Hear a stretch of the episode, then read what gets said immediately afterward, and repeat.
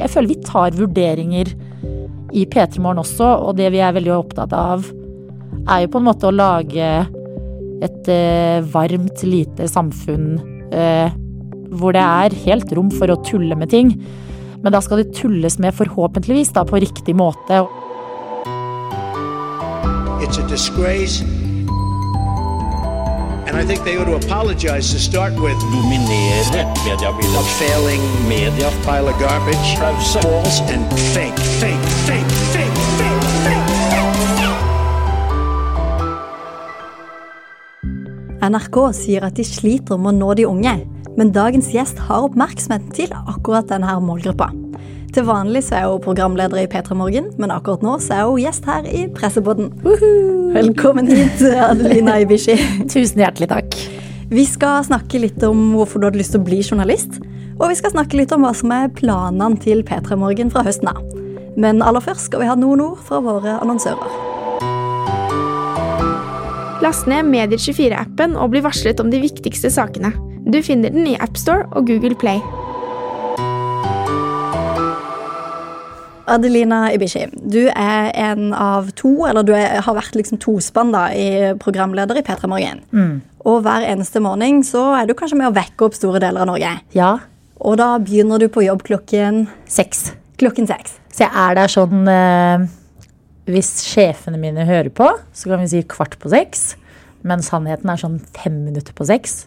Så løper jeg inn i studio, så setter jeg meg ned. Og så skrur jeg på spakene, og så starter dagen.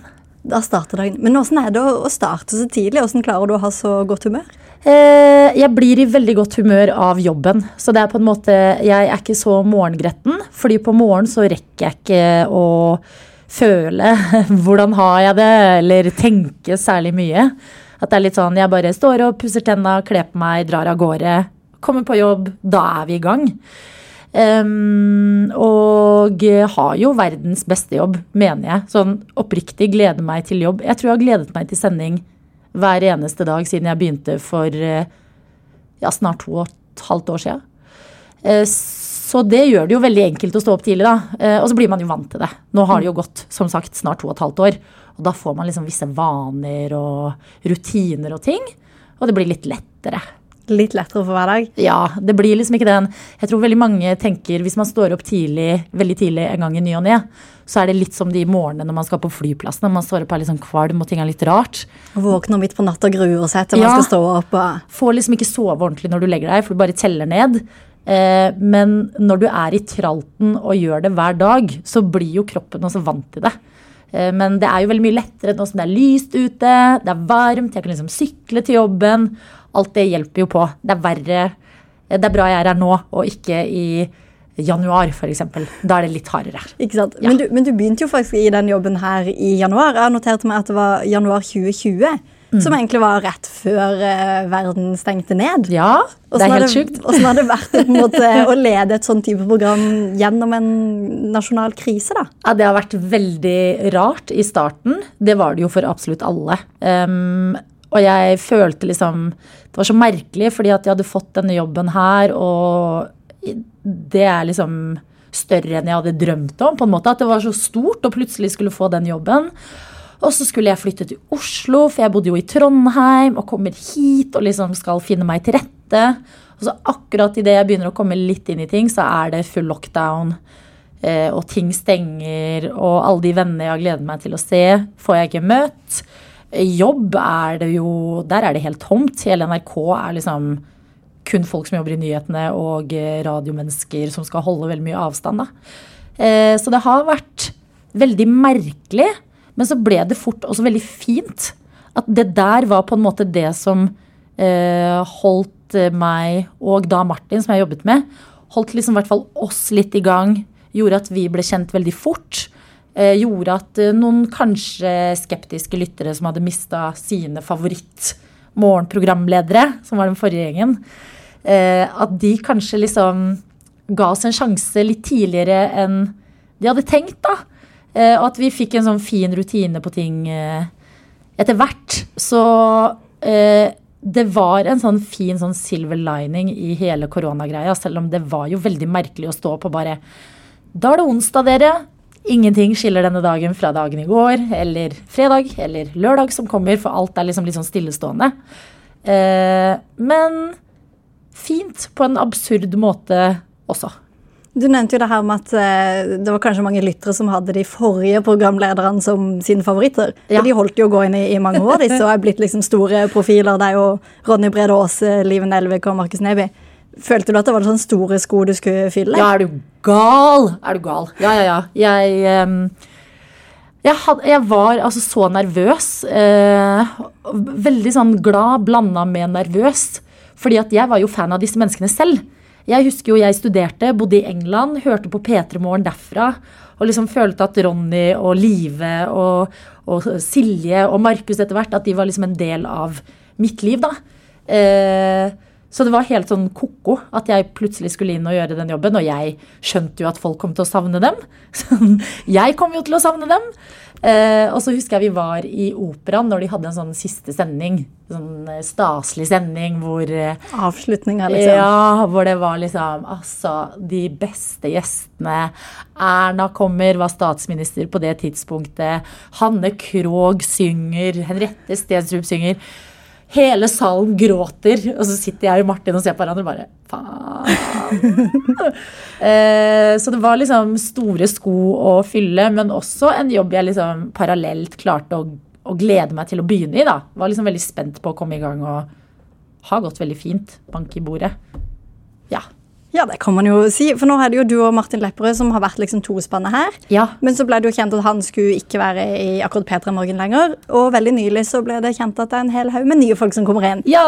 Fortell litt om det nye konseptet. Eh, Det nye konseptet er eh, litt større. eh, Og det er jo fordi at vi merka etter hvert eh, da det var Martin og meg, at det var litt eh, sårbart å være bare to. Og nå siden februar har det jo vært bare meg. Eh, Og eh, for å liksom gjøre morgenlivet og rutinene til folk i radioen så eh, stabilt og gøy som mulig, så har vi landa på den gjengen som det nå blir, som er Karsten Blomvik, Tete Lidbom som hovedprogramledere sammen med meg. Og så er det da Hani Hussein, Egil Skurdal og Henning Bang som blir på en måte knytta til programmet som det man kanskje mer før kalte reportere. eh, Som ikke er sånn nødvendigvis bare utegående og ting og tang, men skal levere innhold som de liker å lage da, til P3 Morgen og bli en del av det universet. Eh, Så jeg føler bare at det er en sånn familieforøkelse. eh, Og at det kommer inn nye impulser. Og så har det jo vært en jobb med å lande akkurat de folka her. At vi har hatt mange auditions og møtt mye folk og blitt kjent med mange på veien, men også liksom eh, fått veldig godt inntrykk av, av de her, denne buketten som har blitt eh, valgt ut.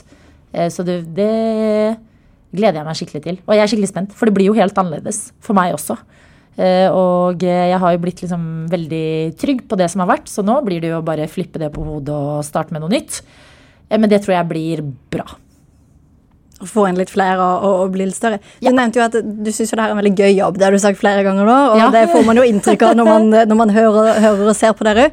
Men jeg lurer litt på, for det er jo ofte god stemning i studio, men er det bare fjasing? Eller føler du at du driver med litt ordentlig journalistikk òg? Eh, det er mye fjas, det er det jo. Men eh, jeg syns fjas har en viktig rolle i hverdagen. Eh, og eh, det her har vi tenkt mye på, at eh, det er jo ko-ko når det er pandemi i verden, at, eh, og liksom krig etter hvert. Som det jo, altså bare hverdagen sjokkerer for hver gang du klikker på en nettavis. Å sitte og holde på som vi gjør. Men jeg tror det er veldig viktig. Eh, og det vi har landa på, det er at eh, eh, Dette er litt dystert, da, men ikke så bokstavelig. Men sånn Hvis du tenker at verden er Titanic, skipet, som bare synker, eh, så kan vi være det bandet som spiller opp til siste slutt. Og liksom være viktig på den måten i form av fjas og tull, og at ting liksom ikke er så veldig alvorlig. Og at vi kan snakke om filmer, serier, musikk. Eh, sånne type ting. Og at det er litt befriende. Eh, Men så er det jo det er et alvor i bånn her også. Altså, morgenstund er jo en veldig skjør eh, tid av døgnet. Veldig mange som jobber da, f.eks. jobber alene, eh, har ikke så mange å snakke med på jobben. Eh, sitter alene i bilen, sitter alene på trening, f.eks. Sånne type ting. At det der samholdet, det er kjempeseriøst.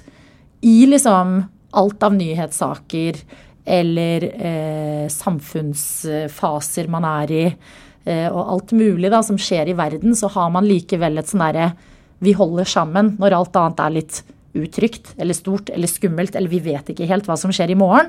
Da tar vi i hvert fall den morgenen her, og så drikker vi kaffe. Og så ønsker vi hverandre en fin dag. Og så deler kanskje Mona fra Harstad at hun gleder seg til dette og dette i kveld. Og så deler Helge fra Drammen at han skal lage taco. Og så føles det litt sånn eh, Det blir et fellesskap som føles veldig trygt og fint. Og eh, ikke bare fjasete, men eh, ordentlig og ekte.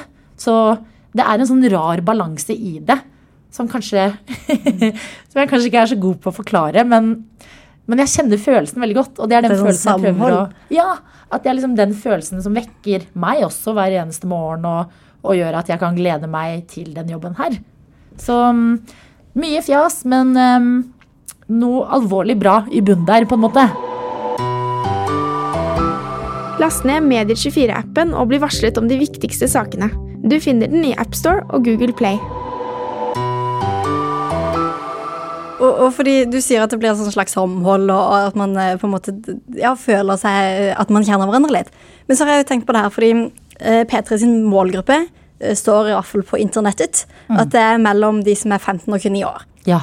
Og så har du nettopp fått en ny eh, sjefsjef, eh, kringkastingssjef eh, Vibeke Fyrst Haugen, som har sagt at hun blant annet er bekymra for hvordan NRK skal nå de yngre målgruppene fremover. Ja. Og ganske nylig så viste Norsk Mediebarometer at eh, for de mellom 15 og 24 år, eh, så kom ikke en- NRK engang med på lista Ja. over mest brukte medier. Så det er egentlig veldig få som bruker NRK. Og selv om dere har dette samholdet med de som er faste lyttere, Ja. hvordan tror du man kan få flere til å rett og slett oppdage hva NRK er for noe, da? Ja, jeg syns det der er så vanskelig. Fordi det der føler jeg liksom gjelder strategier og ting utenfor eh, eh, min kompetanse. Eh, at sånn, Man ser jo at unge mennesker endrer jo medievaner veldig fort, og det vet jo også vi. på en måte, at sånn, eh, For ti år siden brukte jeg Facebook-veggene til folk aktivt. Eh, nå eh, gjør man ikke det. Nå er det liksom helt ut. Enten så bruker du Twitter, eller så gjør du ikke det. At det er veldig sånn Trendene snur så fort, og nå er det veldig mye på TikTok. Men så er det sånn Så har NRK et ansvar med å ikke bare gi bort alt innholdet sitt på TikTok og miste kontrollen og rettighetene over det. At det er sånn, Jeg skjønner at det er noen regler og ting oppi der, men derfor kan på en måte ikke jeg forholde meg for mye til det i min daglige jobb. Eh, jeg kan ikke gjøre så mye mer enn på en måte det jeg allerede gjør. Og så tror jeg det må være flere strategier til å liksom eh, vise unge folk da, hva som er eh, tradisjonelle medier i tillegg til sosiale medier. Eller bruke de på en smart måte. Og det får jeg jo ofte også kommentarer på. at sånn, jeg fikk ikke hørt sendingen, men jeg så den videoen på Instagrammen til P3, og at man da liksom kanskje går inn og hører på større deler av sendinga. At, at det der må kanskje liksom eh, finnes litt ut av. Men igjen, da, så finner man ut av det. Og så kommer plutselig et helt nytt sosialt medium. Da ser man like langt. Ja, så det er liksom en sånn eh, jungel som jeg, jeg er veldig glad for å ikke være sjef. Fordi at eh, Å, sånne her ting. Altså, jeg hadde blitt så stressa oppi hodet. Så det jeg prøver å tenke, er sånn så lenge innholdet vårt er eh, relaterbart og eh, føles ferskt og bra og oppdatert og eh, ekte, så er jo det ting som alltid vil være interessant for mennesker som er liksom både i eh, tenåra, 20-åra og 30-åra. Og det som kanskje er på en måte Det er så mye forskjellig innenfor det alderssegmentet. Men det som er fellesnevneren, er at man er i en sånn etableringsfase. At kanskje noen flytter for å begynne på en ny videregående. Kanskje noen skal begynne i en ny jobb. Det er liksom den følelsen av sånn derre eh, et eller annet som man er litt sånn universalt, som man kan kjenne igjen. Og den tror jeg også unge mennesker kjenner igjen. Så det er jo bare å liksom eh, vise de hvilke plattformer som fins, hvor de kan få dette innholdet på. Og det er det sikkert noen Det lener jeg meg på at noen har en plan for. jeg kan ikke ha det på mine skuldre. Da får jeg ikke sove om natta. Og det er det veldig viktig at jeg gjør. I hvert fall når du skal være på jobb eh, litt før klokken seks. Ja. Jeg tenkte jo på dette, fordi der jobber jo med å være aktuelle. ikke sant? Og selv Ja. om dere er litt god stemning og kanskje litt fjas, så følger det jo nyhetsbildet til en viss grad. Ja. Og du prata litt om det nå egentlig før vi skrudde på mikrofonene. Eh, Denne balansen mellom underholdningsverdi og hype ting opp, Ja. men også ta hensyn til alvoret i det man prater om. Mm. Ja, det syns jeg er eh, Det er en sånn utfordring i min jobb noen ganger. Fordi at eh, vi har jo heldigvis P3 Nyheter, som gir oss nyheter i P3 Morgen hver halvtime. Og der får du liksom veldig gode nyheter. Du, du står opp og blir oppdatert og får med deg hvor verden står hen i dag. Og så kan vi liksom heller snakke litt løst og fast om liksom ting vi leser om på VG eller Aftenposten den dagen. Eh, og så er det noen ganger, og dette har jeg liksom tenkt på Jeg har brukt mye tid i det siste på å tenke på sånne, derre, eh, sånne popkulturelle hyper som oppstår.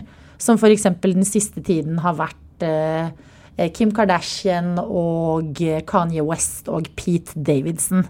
At liksom det der trekantdramaet der har blitt fått en så stor underholdningsverdi. Og det har blitt memes, og det er videoer overalt, og det deles. Og det, fordi det er så mye humor på det, så føles det så trygt å tulle med. Eh, også på lufta, for min del, på en måte. Eh, men, men så må man liksom ta seg selv, eller ta en liten eh, tenkerunde noen ganger òg. Fordi hvis jeg da tenker på f.eks. Eh, Britney Spears og hennes eh, personlige skandale i 2007 så føler jeg at verden i dag skjønner at hele liksom, mediehåndteringen av den livssituasjonen og humoren laget på det. Det var liksom kaffekopper hvor det sto sånn If Britney Spears can survive 2007, you got this, type ting. At det ble veldig sånn herre eh, popkulturell eh, hype og sånn felles eh, humorting. Eh, men så ser man i retrospekt at sånn Nei, det, det der var kanskje litt stygt. Eller sånn, det var ikke helt riktig. At hele verden bare var enige om at ja, men nå kødder vi med det, og så er det sikkert greit. Og at man liksom tilgir det litt i den derre Eller man føler seg trygg i at alle gjør det. Og sånn er det jo i hvert fall på internett i dag. At eh, jeg har ikke telling på hvor mange memes jeg har fått opp om liksom nettopp Kim Kardashian, Kanye West og Pete Davidson. Men så er det liksom Koker man det ned til sånn Det er en skilsmisse mellom to mennesker. Kanye West er jo faktisk psykisk syk. Eh, Kim Kardashian hun er faktisk ekskona hans, som han uttaler seg veldig ugreit om i media. At det er liksom noen sånn Når man bare skreller det helt ned eh, til at de ikke er superkjente mennesker, så er det noe eh, ugreit med hvordan man snakker om det også.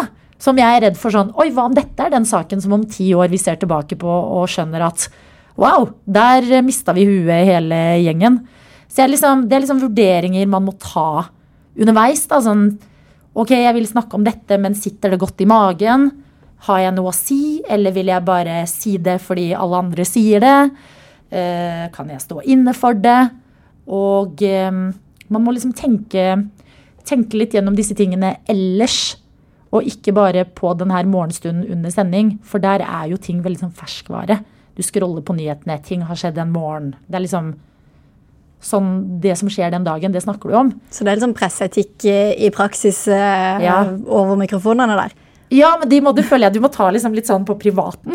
Sånn, eh, tenke litt over de tingene utenfor studio også. Fordi i studio så er det bare eh, Lyset er på go, på en måte. Og så må man vurdere litt. Så vi tar Jeg føler vi tar vurderinger i P3 Morgen også, og det vi er veldig opptatt av, er jo på en måte å lage et eh, varmt, lite samfunn eh, hvor det er helt rom for å tulle med ting. Men da skal det tulles med forhåpentligvis da, på riktig måte, og en måte man kan se tilbake på og tenke det er fortsatt gøy. En sånn derre ei, en billig punch på bekostning av noe ugreit. Men er du redd for det? At om ti år til så ser noen åh, jeg husker du Adelina på P3 Morgen? Åh. Ja. Eh, man er jo alltid, eller jeg føler man bør være redd for det, for det gjør jo at du tar noen ekstra tenkerunder med deg sjøl. Eh, så ja, jeg vil jo si jeg er redd for det.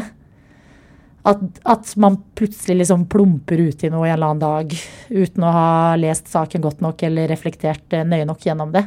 Så det Jeg er jo redd for det, men det er jo derfor jeg prøver å liksom tenke litt på det ellers, da. Og, eh, og være litt eh, var. Og særlig på de her tingene som liksom skjer så fort.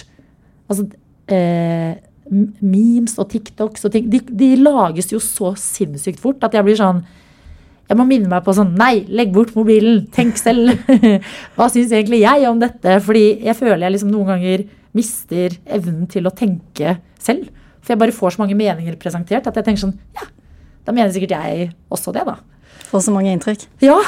Ja, for Man vil jo kanskje si at du har litt sånn ekstra ansvar når du er liksom frontfigur i, i et sånt stort eh, program. Men jeg, jeg vil jo bare snakke litt med deg om eh, litt din bakgrunn, egentlig. Ja. For du er jo utdanna journalist. Men hva var det som gjorde at du fant ut at du hadde lyst til å bli journalist? Um, det er på en måte flere ting. Egentlig så Jeg så Blood Diamond, eh, den filmen med Leonardo DiCaprio.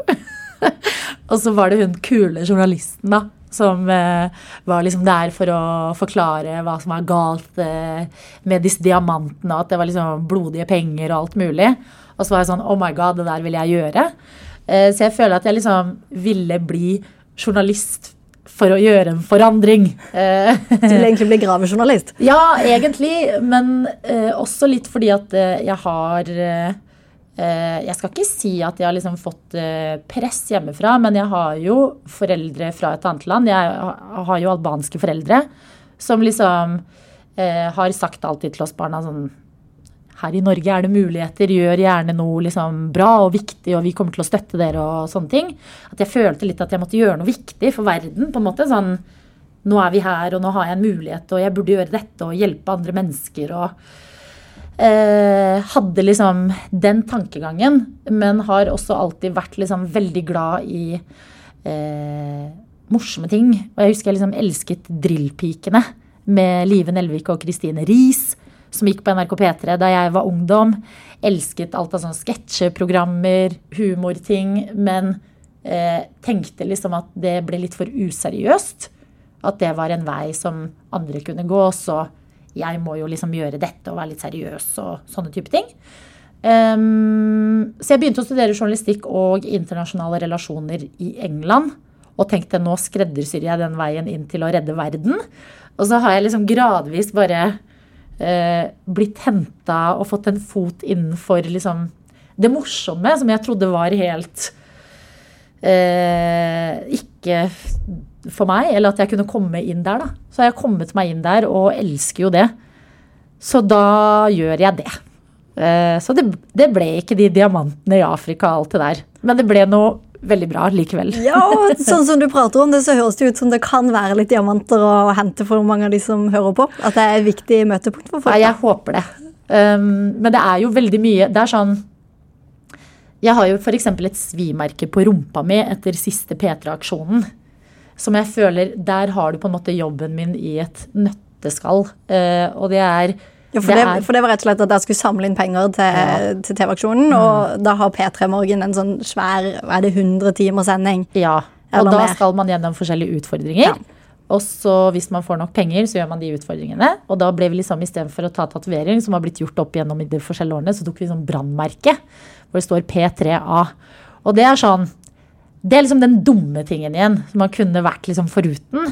Men så er det saken eh, og P3-aksjonen og TV-aksjonen som er det viktige og fine, og eh, folk som gir penger til nettopp det, da. Så da blir det liksom balansert greit, dette med liksom samfunn og bidra og underholdning og alt liksom blir liksom knytt sammen. Så på en ko-ko måte så føles Eller vet du hva, ikke på en ko-ko måte engang, men jobben min føles liksom faktisk eh, veldig meningsfull, selv om jeg ikke er ute og rapporterer fra ja, krigsherja områder, som man liksom så for seg kanskje en gang i tiden. Ikke sant? Vi skal egentlig begynne å runde av, men jeg vil ha et sånn siste spørsmål. Eh, litt det her, Hva er egentlig dine tips til andre spirer som tenker at ja, nå skal jeg bli den diamantgravejournalisten? Ja. Eh, Diamant-gravejournalisten. Ja, da, da må du ville det, tror jeg. For det var jo også det som var eh, Husker jeg liksom alle lærerne våre på skolen som sa sånn de type gamle journalistjobbene blir det jo bare færre og færre av. Men, det, men igjen, med sosiale medier så finnes det jo 100 nye muligheter. Eh, Så mitt tips er alltid bare sånn eh, Bare jobb hardt og ei det, på en måte. Hvis, du, hvis du vil noe, så er det liksom verdt å prøve med alt du har. Fordi hvis det da går, så eh, da føles Da føles ikke jobb som noe kjedelig å dra til. eh, Forhåpentligvis, da. At da vil det være gøy å gå på jobb, du vil kose deg, du vil ha en lidenskap for jobben din. Så bare liksom Selv når det føles umulig. Jeg husker jeg flytta til Bodø for å begynne å jobbe der og få erfaring derfra. Bare kjør på, liksom, i starten, og så forhåpentligvis så kommer du inn på noe som du vil, da, etter hvert. Så hvis man jobber hardt nok, så blir det til slutt lett å stå opp eh, tidlig på morgenen. Hvis man jobber hardt og eh, legger seg tidlig og eh, banker inn rutiner, så blir det lett. Um, ja. Vi skal helt til slutt så har jeg lyst til å bare utfordre deg på fem veldig kjappe spørsmål. Ja. Litt sånn mediespørsmål. Så da bare svarer du så fort du kommer på et svar. Ok. Eh, Adelina, får du helst med deg nyheter på papir, nett, TV eller radio? Radio. For det hører du på hver halvtime. Ja. Eh, hva slags journalistikk vil du si provoserer deg mest? Eh, Klikkjournalistikk. Og hvem syns du har Norges beste radiostemme? Oh, Norges beste radiostemme. Hmm, la meg tenke litt. Og det er vanskelig spørsmål! Det er lov å svare seg sjøl. Nei, det jeg ikke. Jeg blir utrolig lei min egen stemme. At jeg er helt eh, absolutt ikke den. Eh, Men jeg føler det er mange gode radiostemmer. Hvem var det jeg sa det til her om dagen? Vent litt, nå må jeg tenke litt. Jeg vet dette er raskt, men jeg, må, jeg kan ikke si feil her.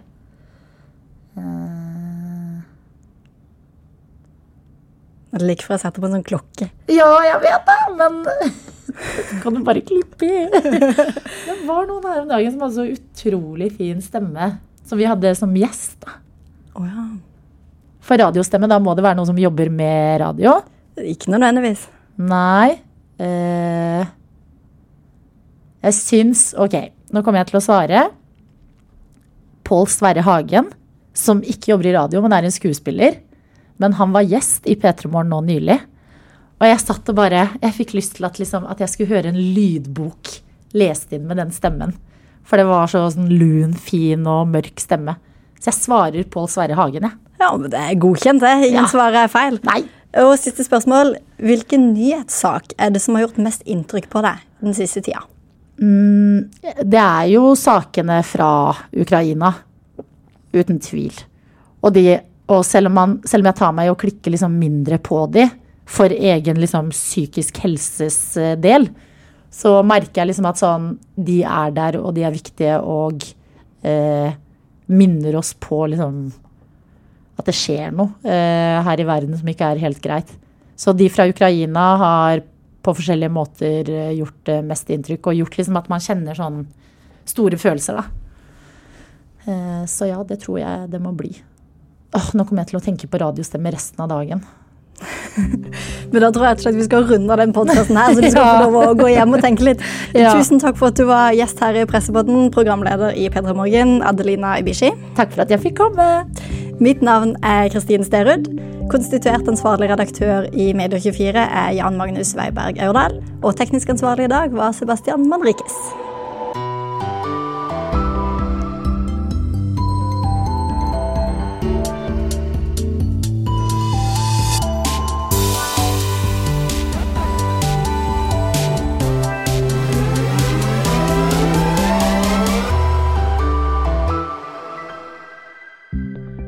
Last ned Medier24-appen og bli varslet om de viktigste sakene.